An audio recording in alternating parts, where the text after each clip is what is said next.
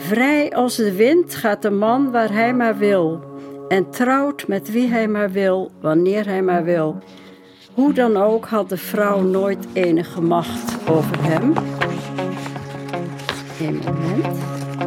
Hier op de volgende. Dat is goed dat we het boek even horen ook. Ja.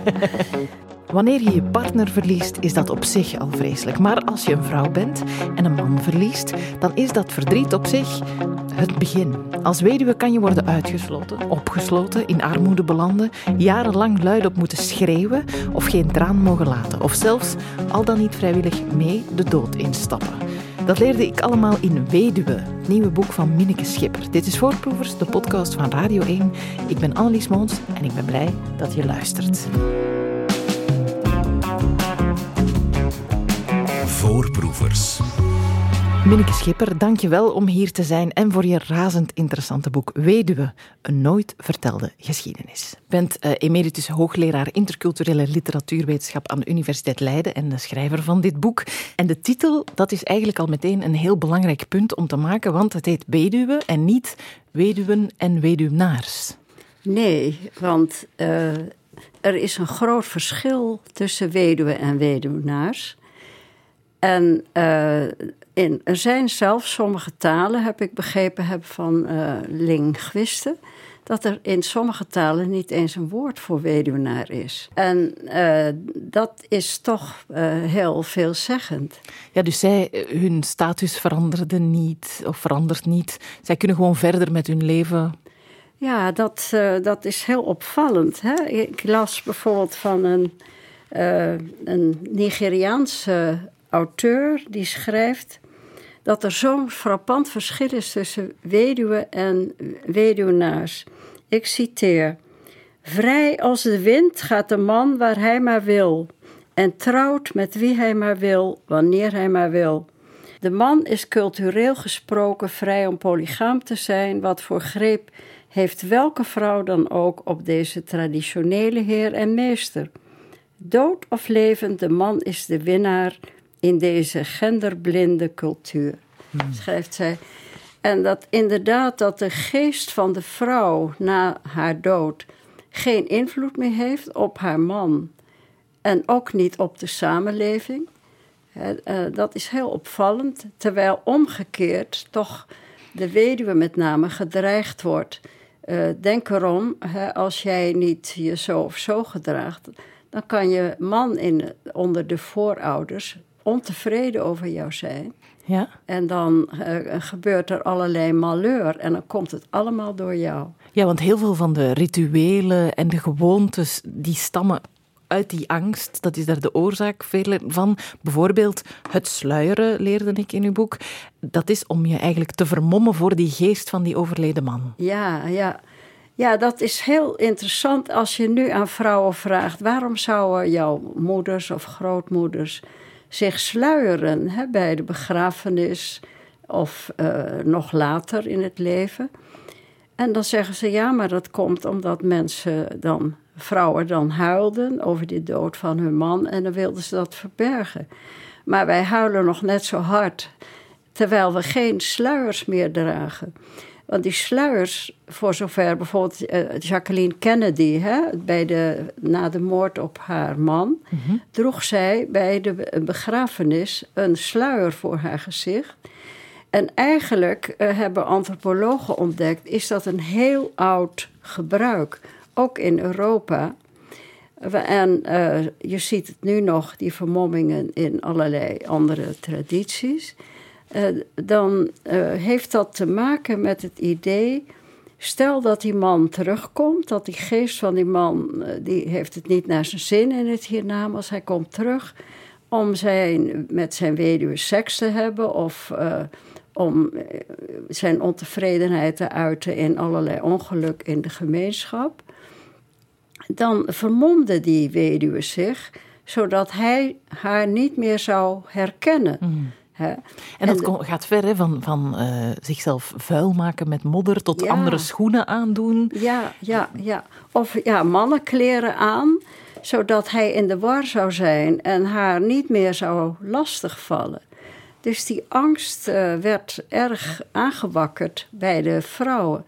Terwijl eh, de mannen die weduwnaar werden, die dachten, nou ja, die vrouw die stelde tijdens mijn leven al weinig voor. Dus eh, daar heb ik verder geen last meer van. Ik ga gewoon meteen trouwen. En vandaar die spreekwoorden eh, over gelooft zij de deur waardoor de dode vrouw verdwijnt. Uh, dat betekent zoiets als: jongens, ik ben weer een vrij man. Ik kan gaan doen waar ik uh, zin in heb. Ja, want dat is wat de teneur. Hè. Het zal anders zijn bij veel individuele mannen die heel triest zijn wanneer hun Ja, vrouw overlijdt. absoluut. Maar in de spreekwoorden is het bijna van: ze zijn blij dat ze er eindelijk vanaf zijn en kunnen ze eens een nieuwe, een jongere Ja. eh, gaan, gaan zoeken. Ja, ja. Vandaar ook hè, dat eh, mannen meestal eerder gaan dan vrouwen, omdat ze met een veel jongere vrouw trouwen. En vandaar dat er veel meer weduwen zijn. 258 en een half miljoen wereldwijd. Als we aan weduwen denken, dan denken we eerder aan vrouwen op leeftijd. Maar eh, weduwen zijn er van zelfs heel jong. Ja. Eh, want zelfs kindweduwen bestaan ook nog altijd. Ja, ja. Want dan worden, dat zijn dan kinderen die uitgehuwelijkt worden, maar nog niet in de praktijk, maar wel al in naam? Of hoe moet ik mij dat voorstellen? Eh, nou, soms worden, worden afspraken gemaakt met oudere mannen. Eh, omdat sommige families die arm zijn, die zijn wanhopig als ze voortdurend een dochter krijgen. En eh, dochters, die kosten geld. Want als je ze uithuwelijkt, moet je ze een bruidschat meegeven. En die, eh, ja, dat is bijna niet te doen. Dus je bent al lang blij als een oudere man zegt: Ik wil haar wel hebben. Mhm. En die wil, neemt er dan één bij, bijvoorbeeld.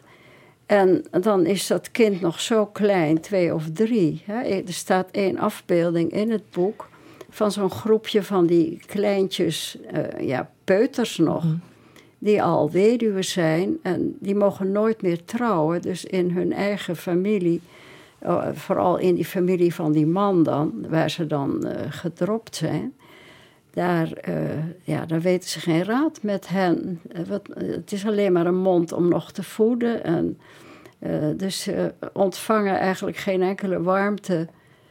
En, en hoe zou dat nou komen, vraag je dan af, dat die kleintjes, dat die oudere mannen met zo'n klein meisje trouwen.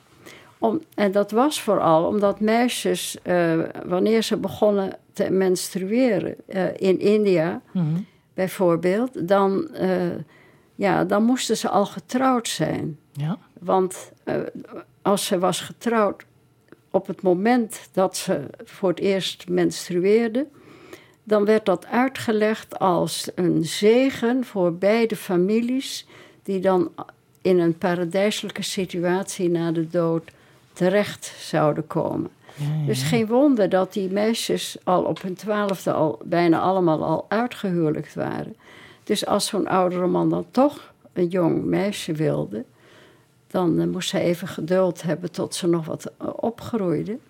In het boek staat ook een citaat dat eh, op een moment is een meisje van vijf en dan speelt ze met haar vriendinnetjes buiten. Haar moeder roept haar binnen en zegt: Je echtgenoot is dood. Mama, wie is echtgenoot? vraagt het kind.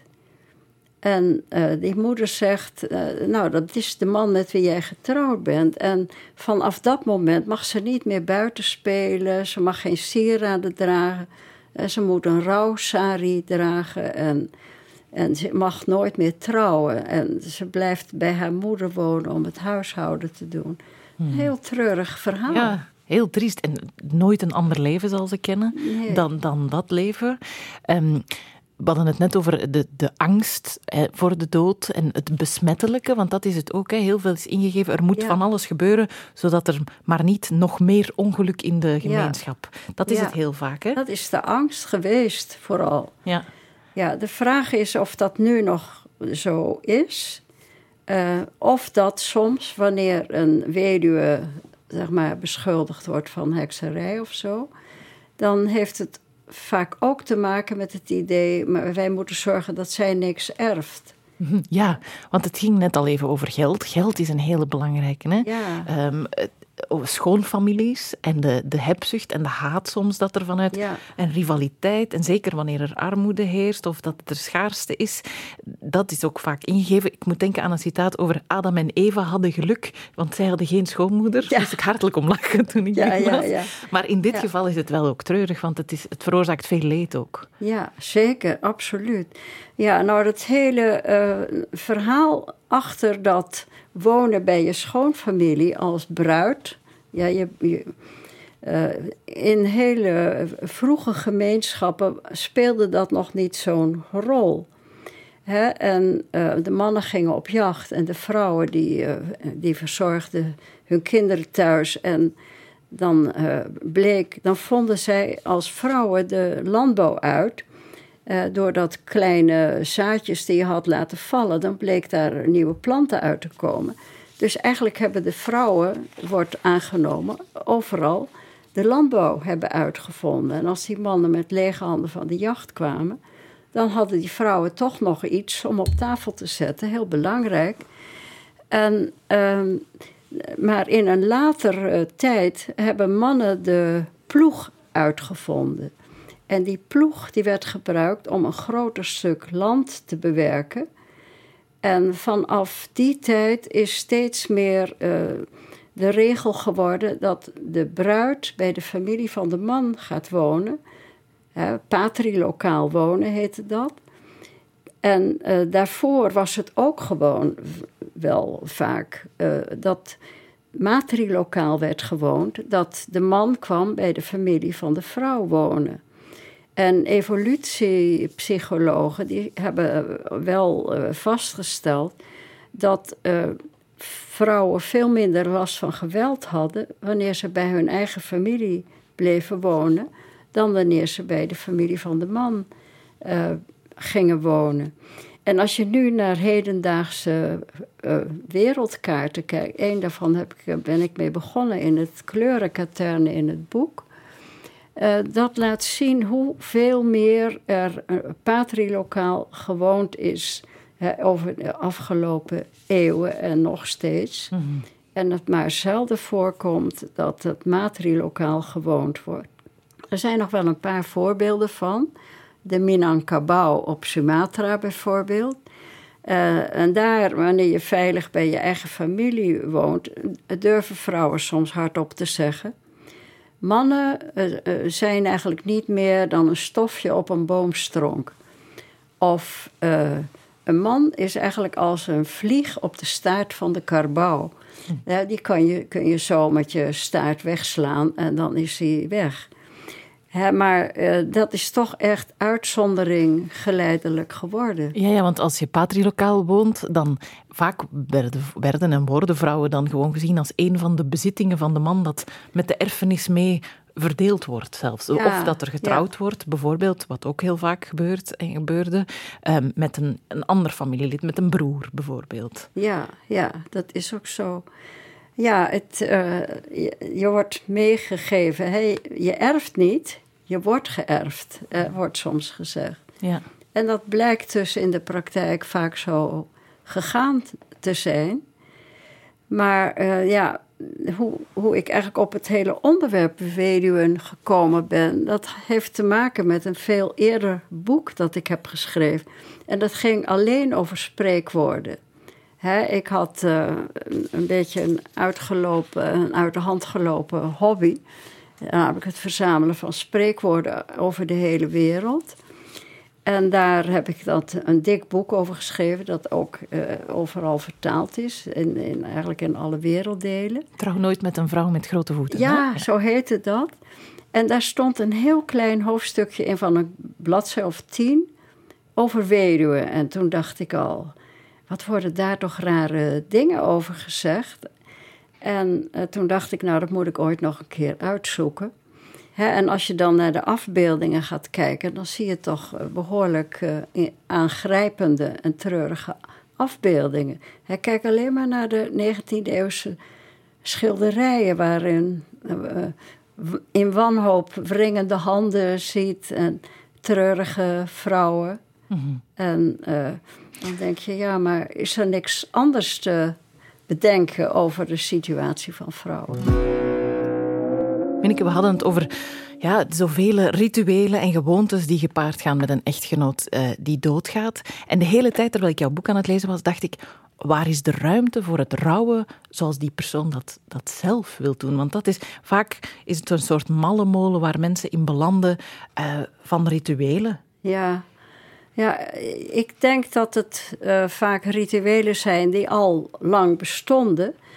Op het moment dat jij weduwe wordt, de vraag uh, aan iemand stellen: hoe wil jij nu het liefst uh, rouwen? En dan zie je dat dat op heel verschillende manieren wordt voorgeschreven. Mm. En dat is echt de, de bedoeling dat je daar maar aan meedoet. Ja, en dat zelfs het een soort bewijs vormt van hoe goed je voor je echtgenoot gezorgd hebt terwijl hij nog leefde, hoe graag je hem zag ook. Het is bijna, als je niet goed genoeg meedoet aan die rituelen op veel plekken en vlakken, is het alsof je hem zou zelf gedood hebben of dat je toch mee schuld draagt aan zijn dood. Hè? Je moet bijna bewijzen dat je zoveel van, je, uh, van hem hebt gehouden.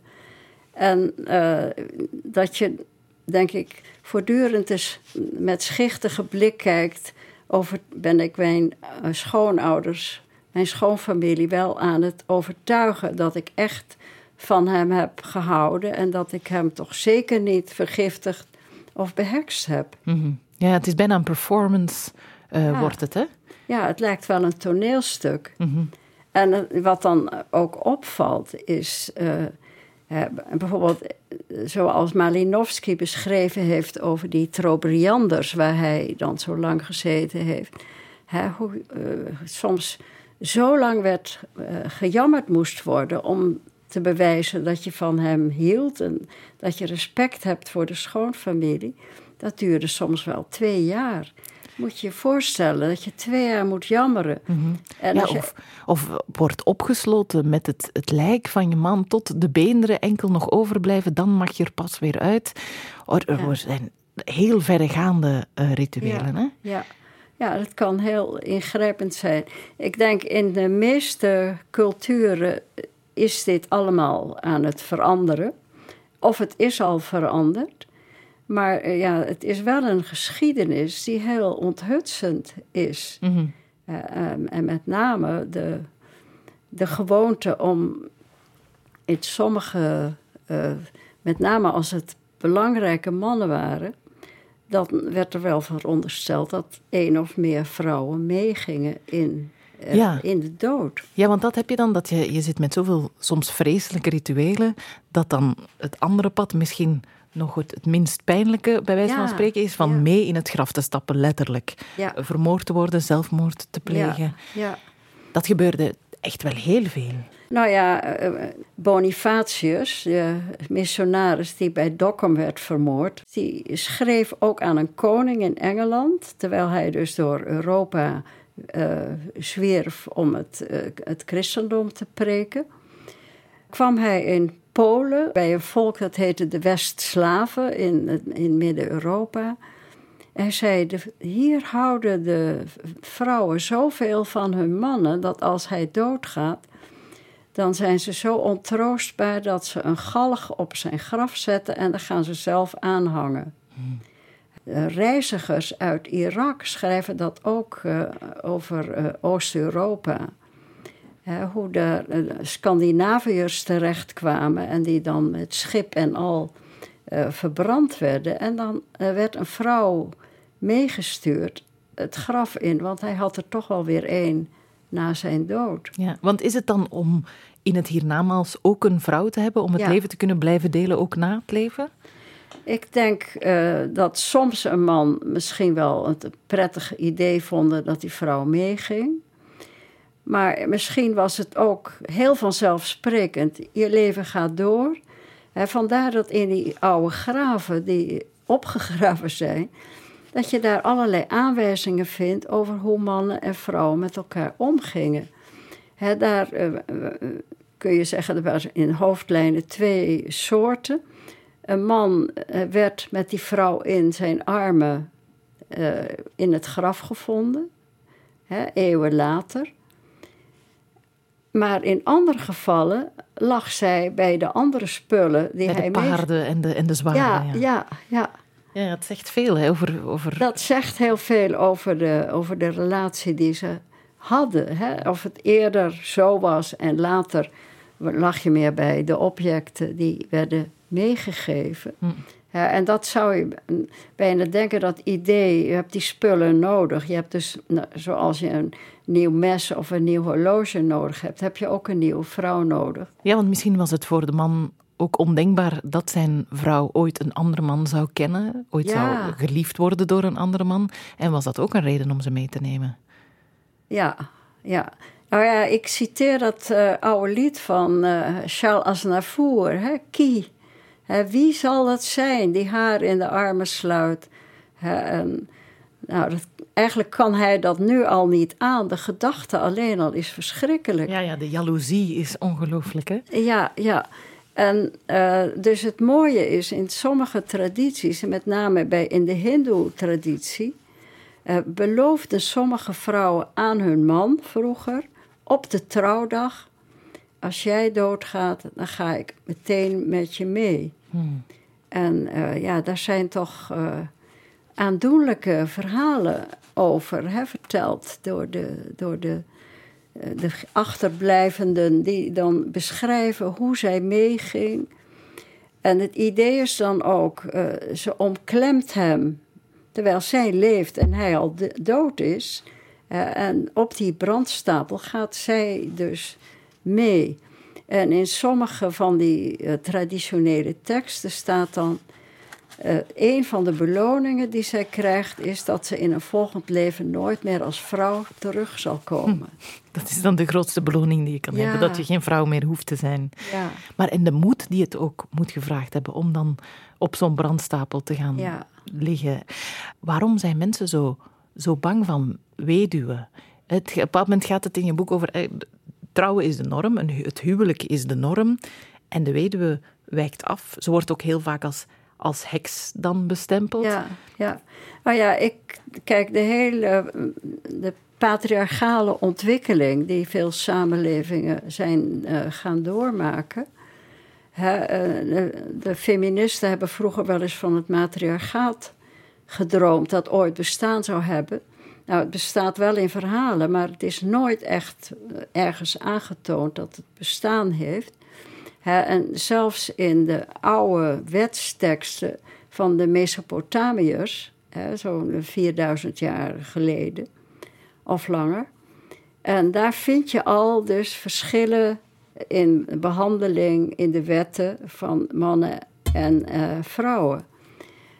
Dus het is al vrij oud geweest dat daar eh, eh, ja, steeds grotere verschillen zijn eh, ontstaan. En ehm, dus je moet ja, dat beseffen wanneer je naar onze eigen tijd kijkt. Hè, in hoeverre zijn wij nog steeds gebrainwashed door die oude vanzelfsprekendheden? Hè? Mhm. ja, ja, en als er al verschillen tussen man en vrouw heel groot waren, dan een weduwe is een, een groot eh, uitvergroting van wat er sowieso al tussen man en vrouw ja, speelt. Ja, Nou ja, wat eh, zo ongemakkelijk maakt, is dat een weduwe een, eigenlijk een enorme vrijheid opeens heeft, omdat niemand haar letterlijk beheert, hè, zoals dat in het huwelijk was. En stel dat zij het geweldig naar haar zin zou hebben, dan zouden getrouwde vrouwen daar ook onrustig van kunnen worden, natuurlijk. Ja, ja, het is ook gevaarlijk als het plezierig blijkt Ja. te zijn. En ik denk, de angst bij getrouwde vrouwen was misschien wel... ja, misschien gaat mijn man wel een keer vreemd met deze eh, sexy weduwe. Mhm, Ja, ja, ja. Armoede is heel vaak Ja. een gevolg van weduwe worden. Ja, zeker. Ja, eh, nou ja, één op de tien schijnt onder de armoedegrens in de wereld te leven. En eh, dat is denk ik eh, best heftig. En als je dan leest, met name in bepaalde delen van Afrika en Azië, waar weduwen nauwelijks erven hè, of eh, weggejaagd zijn zonder iets mee te kunnen nemen. Hm. Er zijn bijvoorbeeld de heksendorpen in Ghana of eh, noem maar op, of in Zimbabwe, waar het ook eh, nog steeds veel voorkomt. Ja, waar allemaal weduwen verzamelen die niet meer kunnen blijven waar ze woonden, gewoon omdat ze verjaagd worden. Ja, omdat ze niets hebben. ja, omdat ze eh, beschuldigd worden. De truc is, beschuldig haar dat je, dat je heks bent. En zo ging het vroeger natuurlijk in Europa ook, hè, Mhm. tot in de begin 17e eeuw. Ja, maar nog steeds op veel plekken. Want Ja, hoe is het nu? Je zei daar straks al even, er is wel veel aan het veranderen. Ik kan me voorstellen door publieke figuren die vechten voor de rechten van een weduwe bijvoorbeeld. ja, ja, dat gebeurt steeds meer. eh, of eh weduwen wordt, eh, ge- eh, krijgen een soort instructie hoe je met de bureaucratie moet omgaan. Hè, zoals eh, een voorbeeld van die ene vrouw uit Pakistan met acht kinderen. Eh, eh, en dan is ze zelf net in de twintig of zo. Heeft ze al die kinderen, zeven meisjes en één jongen. En die heeft eh, dankzij een VN-cursus heeft geleerd hoe je toch een stuk land kunt verwerven. En dat is haar gelukt. En dan staat ze op International Women's Day, Widows Day. Want de International Widows Day die bestaat nu sinds 2010. Het gekke is dat ik er nooit van gehoord had voordat ik het boek ging schrijven. Het betekent dat er hier kennelijk minder behoefte is aan speciale aandacht voor de weduwe dan in. En minder urgent is misschien dan op, veel andere plekken. Maar ze staat dan met een certificaat op dat stuk land. Dat, eh, waarin ze helemaal gelukkig. Ik ben de koningin van dit stuk land. En eh, ik ga heel hard werken. En als mijn, dan krijgen mijn kinderen later kansen. Ja. En dan wat een energie straalt zo iemand uit. Eh, Ja, want ook in het fotokatern staan er foto's van, eh, ook in India, vrouwen die ehm, het recht terugnemen om een feest te mogen vieren. Want ze hebben jaren en jaren een witte sari aangemoet, een rouwkleding, en niet mogen deelnemen Ja. eigenlijk aan het publieke Ja, in mijn boek heb ik een prachtige afbeelding kunnen opnemen van eh, weduwen die in 2015, na 400 jaar verbod om feest te vieren, hebben zij het recht in eigen handen genomen om dat kleurenfeest mee te vieren. En je ziet ze dansen en eh, met eh, allerlei confetti en bloemen in kleuren. Maar ik heb ook gevonden dat in Europa tot eigenlijk begin 20e eeuw toch heel erg eh, eh, veel angst rondhing over weduwen.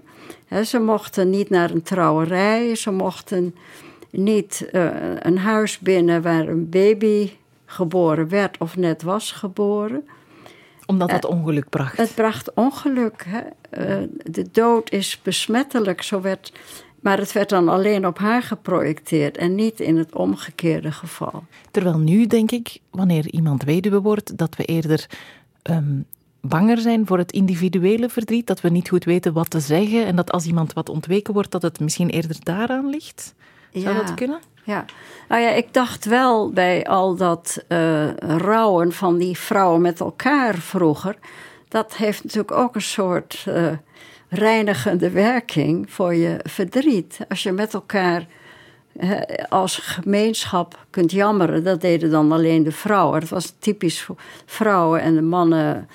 Ja, dat, deden dat niet, dat hoorde niet. Dus die moesten al hun Die mochten verdriet niet huilen wegs- wegslikken. Maar eh, nu denk ik, eh, ik kreeg een e-mail van een oud studente die jong weduwe is geworden en die zegt: eh, ik moet mijn hele identiteit opnieuw uitvinden, want mensen weten niet hoe met mij eh, moeten omgaan. Mhm. En dat vond ze heel moeilijk. Mhm. En, en dat is misschien het, eh, het, aan de ene kant het voordeel van individualistischer te zijn geworden.